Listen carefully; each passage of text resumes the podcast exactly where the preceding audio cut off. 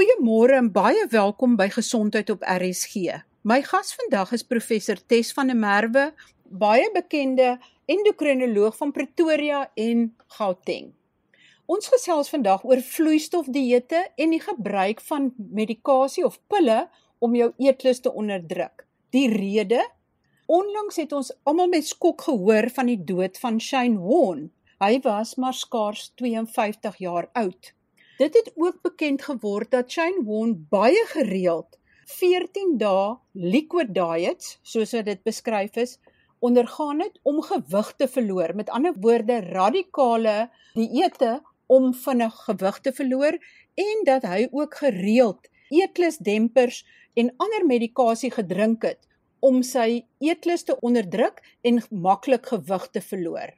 Professor, gee eerstens vir ons 'n goeie insig oor vloeistofdieete, dit wat bedoel is om gewig te verloor wat met ander woorde baie radikaal is en ek verneem daar is tog ook vloeistofdieete wat 'n baie goeie plek het in die mediese wêreld.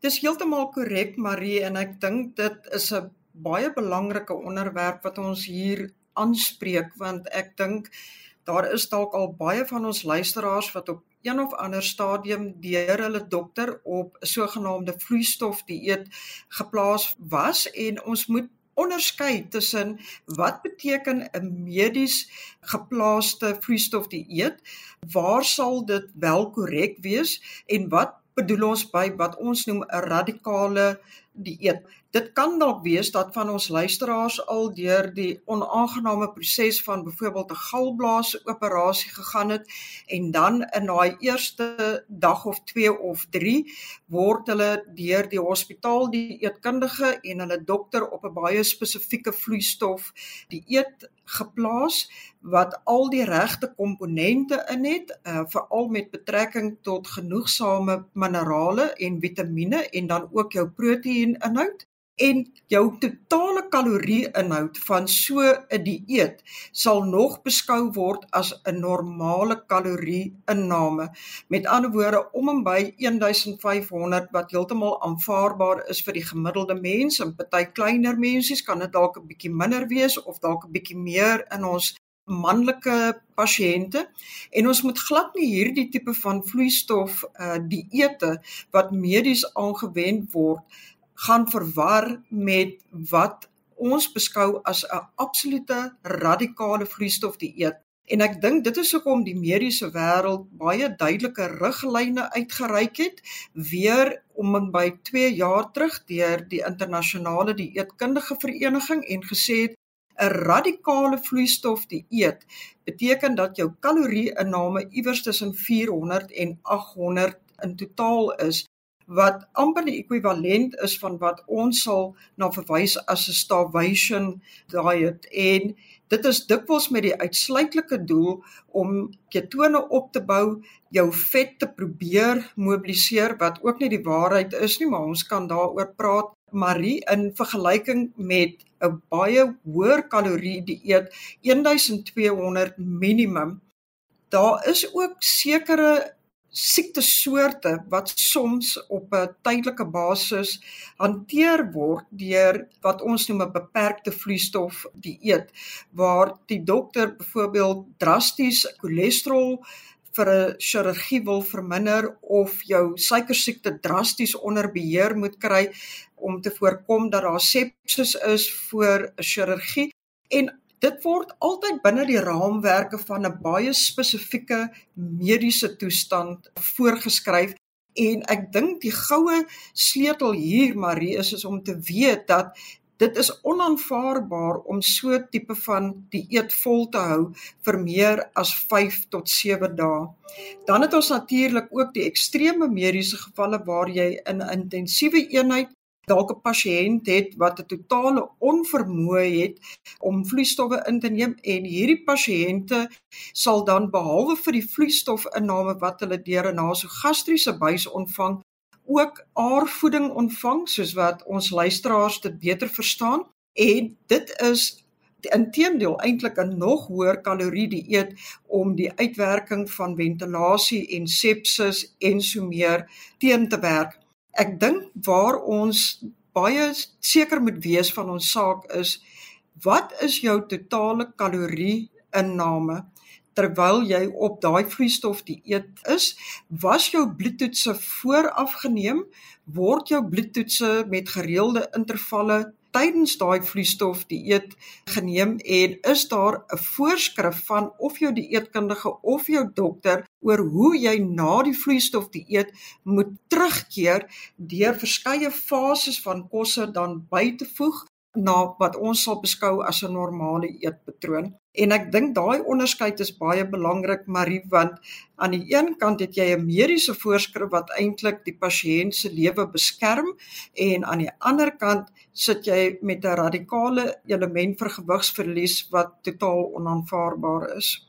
Ek wil net doodseker maak voordat ons aanbeweeg met ander woorde Die vloeistofdieet wat voorgeskryf word om mediese redes is eintlik 'n gebalanseerde dieet of 'n gebalanseerde eetplan al is dit nou net in vloeistofvorm en dit verskaf genoeg voedingsstowwe en kalorieë vir daai persoon om te funksioneer of om daai doel te dien, die mediese doel te dien waarvoor dit voorgeskryf word. Dis korrek, Marie.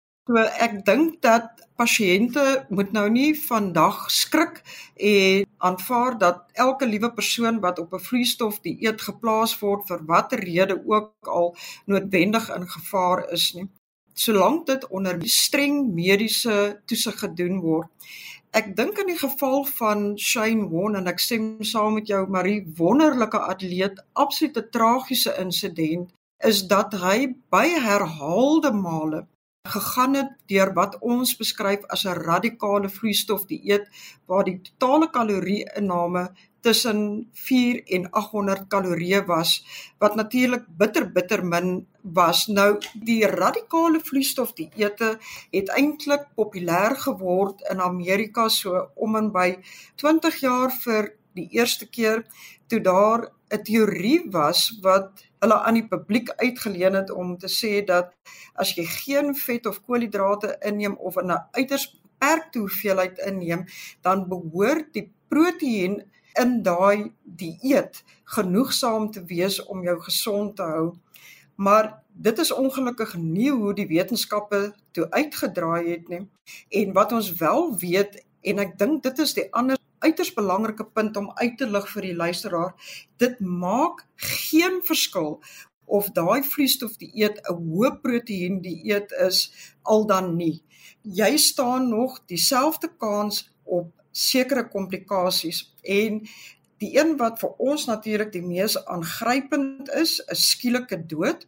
En dit wil vir ons voorkom asof met een van hierdie radikale vloeistofdieete daar 'n verdunning is van die senuweegeleidingsstruktuur binne in die hart wat jou hartklop 'n gereelde tempo moet gee. En dit maak nie saak of daai vloeistof dieet 'n hoë proteïen dieet was of 'n lae proteïen dieet nie, dit is kaloriegebonde. As jy konstant onder 800 kalorieë 'n dag inneem, dan gaan daai bondeltak blok soos ons dit noem, noem, uh tog kan ontstaan. En dit is dit het 'n uiteinde waarby een van twee goed kan gebeur, maar of jy ontwikkel 'n verstadiging op daai bondeltak blok geleiding en ons sien dit klassiek op 'n EKG raak. Mense sien dit partykeer onder ekstreme toestande met sekere medikasies. So dit is iets wat baie goed beskryf is in die literatuur. Ons noem dit 'n torsade point. Uh daar is 'n verlenging van die struktuur tussen sekere van die EKG uh parameters wat dan die hart vatbaar maak vir hartstilstand. Ons kan ook en dit is ook goed beskryf sekere abnormaliteite kry in jou polsspoed en dit is gewoonlik of wanneer die kalsium te laag is. Ek weet die pasiënte praat baie keer van hulle kalium wat te laag is, maar snaaks genoeg met die radikale vloeistof die ete is dit nie die kalium nie maar wel die kalsium wat dikwels ver te kort skiet en groot ellendes kan veroorsaak. En dan sien ons dit op 'n minder gereelde basis maar ook gereeld dat daar 'n tekort aan magnesium ontstaan. Nou in gevalle waar daar beide 'n kalsium en 'n magnesium tekort ontstaan, sit ons met 'n dubbele probleem want beide kan abnormale hartklopings in die hart veroorsaak wat kan lei tot wat ons noem 'n ventrikulêre tachykardie. Met ander woorde, daar's 'n sarsie van vinnige hartkloppe wat dan die hele regulering van jou autonome senuwees deur die hart sal omvergooi en dit lei dan tot permanente stilstand van die hart. So ons moet uiterste respek hê vir hierdie hart wat ons het. Uh, Marie soos Chris Barnard altyd gesê het, jy het net een hart en deur hierdie herhaalde vloeistof dieete aan te pak, skep jy vir jouself langtermyn komplikasies wat baie ernstig is en verrykende gevolge kan hê.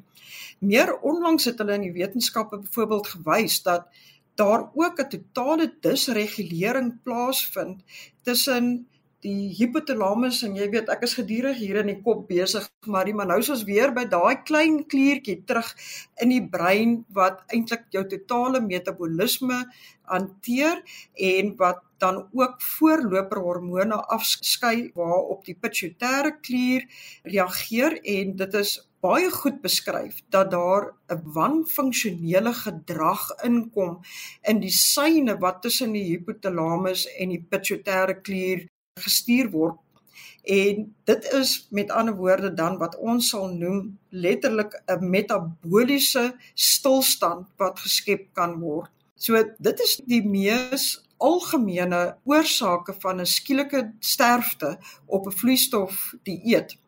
Nou, as jy kyk na waar het die populisme van hierdie hele storie begin was dat op een stadium het ons baie keer vir die pasiënte en ek is self skuldig daarin toe ek nog in my jong jare in praktyk was, het ons dikwels vir die pasiënte gesê as jy net 500 kalorieë minder kan skep wat ons na klassiek verwys het as die calorie deficit, dan kan jy as jy dit kan volhou op 'n daaglikse basis binne daai eerste week jou eerste half kilo of 'n kilo afskud afhangende van waar jou begin gewig is En ons het eintlik die verkeerde ding ingeprent in ons pasiënte se koppe. Dit is nie so eenvoudig nie want jare later het ons wel uitgevind dat hoe minder jou kalorie-inname word, hoe meer verstadig jou metabolisme. Wat is die antwoord as radikale dieete eintlik die teenoorgestelde uitwerking het? Hoe moet mens dan maak? In die eerste plek moet ons verstaan hoe word vetweefsel en spierweefsel gereguleer deur jou hypothalamus en jou pituitêre klier. Elke keer wat jy op 'n baie ernstige verminderde kalorie dieet gaan, dan sal die hypothalamus en die pituitêre klier binne dae jou metabolisme begin verstadig. Onthou soos ek al in die verlede vir die luisteraars verduidelik het, alles wat in jou liggaam gebeur, kom van daai enkele klein robot af. Met ander woorde, hoe vinnig jou hartklop is, hoe stadig jou hartklop, hoe jou byniere werk, hoe jou hormone gereguleer word ensovoorts. So daai hele struktuur het ook die vermoë om dan die hele metabolisme radikaal te verstadig. En nou gaan jy nie meer dieselfde, kom ons nou weer terug by daai woord calorie deficit hê as wat jy oorspronklik gedink het jy besig was om te skep nie. En eintlik begin jy presies die teenoorgestelde doen. Dan is daar 'n interessante verskynsel wat amper in parallel hardloop met daai hele konsep van die liggaam gaan om jou te beskerm, nou jou metabolisme verstadig. Die hele hypothalamus is baie verdedigend teenoor twee goed. Die een is jou totale liggaamsgewig want as dit bedreig word, staan die organisme 'n kans om te sterf. En dan die tweede ding, jou spiermassa het 'n baie pertinente stoormeganisme in die brein. Snaaks genoeg is ons pituitêre klier en hypothalamus nie te veel gepla met die lees van ons vetmassa nie en dit is natuurlik nou die teenoorgestelde kant waar ons dikwels praat oor obesiteit oor hoekom word daai hypothalamus en die pituitêre klier so afgeskaal maar nietemin die pituitêre klier en die hypothalamus sal altyd probeer beweeg om spiermassa te beskerm want in die dae toe ons nog gevaar op 'n ander manier moes trotseer, het dit ons toegelaat om die vyand te beklei en die boom te klim, weg te kom van die leeu af, kinders te baar, te oorleef as daar hongersnood is en so meer. Jou spiermassa, snaaks genoeg, het eintlik 'n baie meer beskermende effek teenoor die oorlewing van die mens as die vetweefsel. En wat gebeur is is as jy 'n baie radikale dieet volg, is onvermydelik, dan gaan jy beide vet en spier verloor. Ons hoef nie op die detail van daai metabolisme in te gaan vandag. Ek dink die luisteraars moet net aanvaar dat daai verlies kan enige iets van 25 tot 35% wees op 'n redelike dag. Maar wat interessant is, is wanneer jy dan van daai radikale eetplan afkom, dan gaan die pituitêre klier en die hypothalamus oor tyd werk om daai spiermassa te herstel ten alle koste. Dit maak nie saak hoeveel vet jy gaan aanpak in die proses nie. So as jy herhaalde male deur hierdie siklusse gaan, eindig jy dan op na 10 jaar of 20 jaar se gesukkel waar jy vir 'n bepaalde BMI eintlik 'n relatiewe hoë vetmassa het wat nie gereken word deur die pituitêre klier of die hypothalamus nie. En nou sit jy met 'n inherente probleem want as jy nou kyk na die verhouding tussen jou spiermassa en jou vetmassa, gaan jou basale metaboliese spoed beïnvloed word. Nou wat bedoel ons by basale metaboliese spoed? Dit is daai hoeveelheid kalorieë wat jy elke dag van jou lewe nodig het net om deur jou lewe te kom. En hoe hoër jou gewig is, want dit vat meer kalorieë om 'n groot lyf rond te beweeg as 'n klein lyf, maar vir daai spesifieke BMI, as jy gaan kyk na die verhouding tussen vet en spier, het jy 'n groot mate van vet aangepak in 'n poging om daai spiermassa te beskerm en nou wil dinge nie meer uitwerk wiskundig nie want jou basale metaboliese spoed is wat gaan bepaal hoeveel kalorieë jy gaan uitlewe daai spesifieke dag. So as ek dit baie eenvoudig kan stel, jou verbrandingsvermoë van jou spier relatief tot jou enorme vetmassa is dan net nie genoegsaam om die waardeur die drif te trek nie. En baie keer sal die pasiënte vir jou sê dit maak nie nou meer saak prof wat ek doen nie. Ek kan op 'n radikale dieet gaan, ek kan op 'n gewone dieet gaan, maar die eindresultaat is net nie daar nie. Ek verloor 'n bietjie gewig en dan sodra ek my oë uitvee as ek weer terug waar ek was. En natuurlik die een rede is soos ons al voorheen gesê het, is daai autonome effek van jou liggaam gaan die totale setpunt probeer uh, verdedig, maar die ander deel van die storie is is dat jy nou sit met 'n baie vertraagde metaboliese spoed omdat jy nie jou spiermassa uh, ten opsigte van jou vetweefsel daai relatiewe verhouding weer kan beheer nie. So ek dink aan die een kant het jy die langtermyn gevolge want as jy 'n baie hoë vry vetsuur afskeiding het in die liggaam, gaan jy cholesterolprobleme kry, jy gaan diabetes kry, jy gaan 'n vervette lewer kry en dis meer en dis meer. En dan aan die ander kant het ons 'n situasie soos wat ons met Shane Won gesien het waar hy letterlik vir 14 dae op 'n slag en selfs langer partykeer hierdie uiters radikale vloeistof die ete gevolg het wat dan wel tot 'n akute hartstilstand kon gelei het. So ek dink die probleem is kompleks en ek dink ons is nou weer terug by dieselfde storie probeer om die regte ding te doen eerder as om na radikale uitkomste te kyk. Met ander woorde, as jou spiermassa so belangrik is vir jou eie oorlewing, is dit dan nie dalk 'n oplossing om terwyl jy dalk kyk wat jy eet en miskien gesonder eet en jou kalorieë bietjie meer normaal kry, dat jy wel oefeninge doen om jou spiermassa te vermeerder of te verbeter nie. Dit is 'n geweldige belangrike punt Marie en dit is juis die gewigdraande oefeninge. Met ander woorde wat die mense in die gym resistance training noem beteken nie jy moet gaan gewigte optel wat bo kan jou vuurmaakplek is nie maar jy moet met ligte gewiggies oefen om daai spier te stimuleer om voort te bou.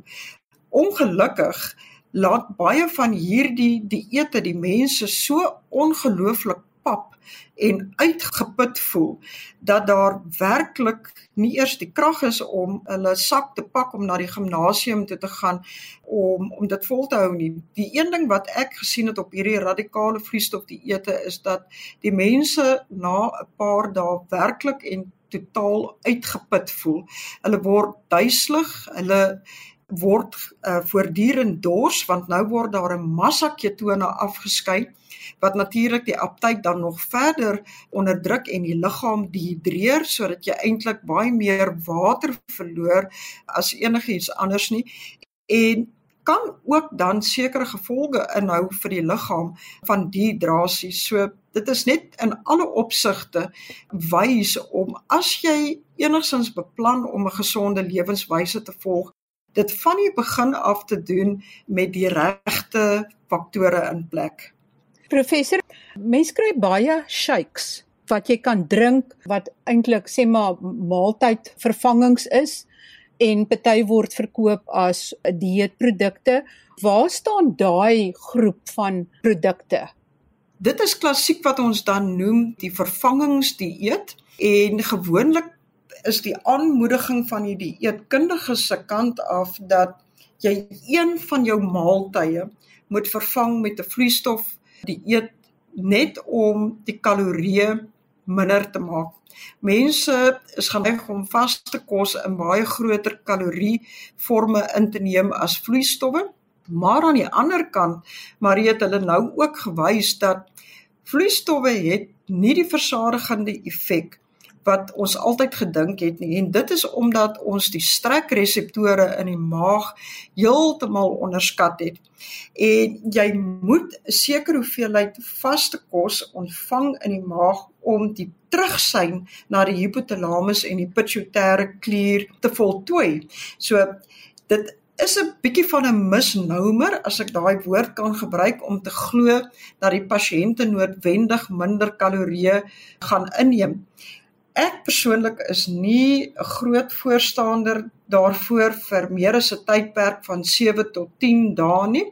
Party mense voel net dat as hulle kan begin met 'n een maaltyd vervanging, maar dan moet jy baie beslis wees en vir die pasiënt sê die totale kalorie-inhoud van jou dag moet nog steeds ver bo kan 1200 kalorieë bly. Maar party mense het daai geloof of dit nou 'n toepaslike geloofie is of nie, hulle klou absoluut daaraan vas en hulle sal vir jou sê, "Maar prof, ek kan makliker begin 'n begin maak om myself te dissiplineer as ek net een van daai maaltye met 'n vloeistof maaltyd want ek kan nie die kos weerstaan nie." En onder daai omstandighede Marie dink ek is daar wel 'n plek daarvoor, maar vir niks langer as 5 tot 7 dae nie, beslis nie vir 14 dae nie, beslis nie vir maande aan mekaar nie. Dit is nie in die beste belang van jou uiteindelike gewigsverliespatroon om dit te volg nie. Kan vesel ryke kos dan wel 'n rol speel omdat dit miskien swel in die maag en wel daai strek reseptore tevrede stel? Beslis, daar's geen twyfel daaromtrent nie, maar die hele liggaam werk saam in 'n wonderlike patroon. En daar's 'n rede hoekom sekere voedsels vir ons goeie uitkomste gee wat ons gesondheid aanbetref en en ander dit nie kan doen nie. En ek dink dat wêreldwyd word daar op die oomblik nogal baie navorsing gedoen ook oor byvoorbeeld te veel glase groot water as ons dan daai volume effek wil aanspreek maar daar was vir jare deur die mediese bedryf gesê jy moet 8 groot glase water 'n dag drink. En presies die teenoorgestelde riglyne het vir die laaste 5 of so jaar in die mark ingekom in die wetenskaplike mark omdat groot herhaaldelike volumes van vloeistowwe wel daai strekreseptore in die maag permanent kan dilateer. So aan die een kant sit jy dan met 'n volume maag wat die hele tyd vra vir kos en nie meer behoorlik wil saamtrek nie. En aan die ander kant sit jy met mense wat weer te min kos inneem. So daai ou storie van ons oumas wat vir ons gesê het doen alles maar doen dit in matigheid was 'n ou boerewysheid wat nou medies bewys word. Baie dankie aan professor Tes van der Merwe, bekende endokrinoloog in Pretoria en Gauteng. En ons sit oor 'n week of twee die gesprek voort want dan kyk ons na die effek van eetlusonderdrukkers op die metabolisme in jou liggaam en of dit werklik werk. Tot volgende week dan wanneer ons weer gesondheidsake gesels. Groete van my, Marie Hudson.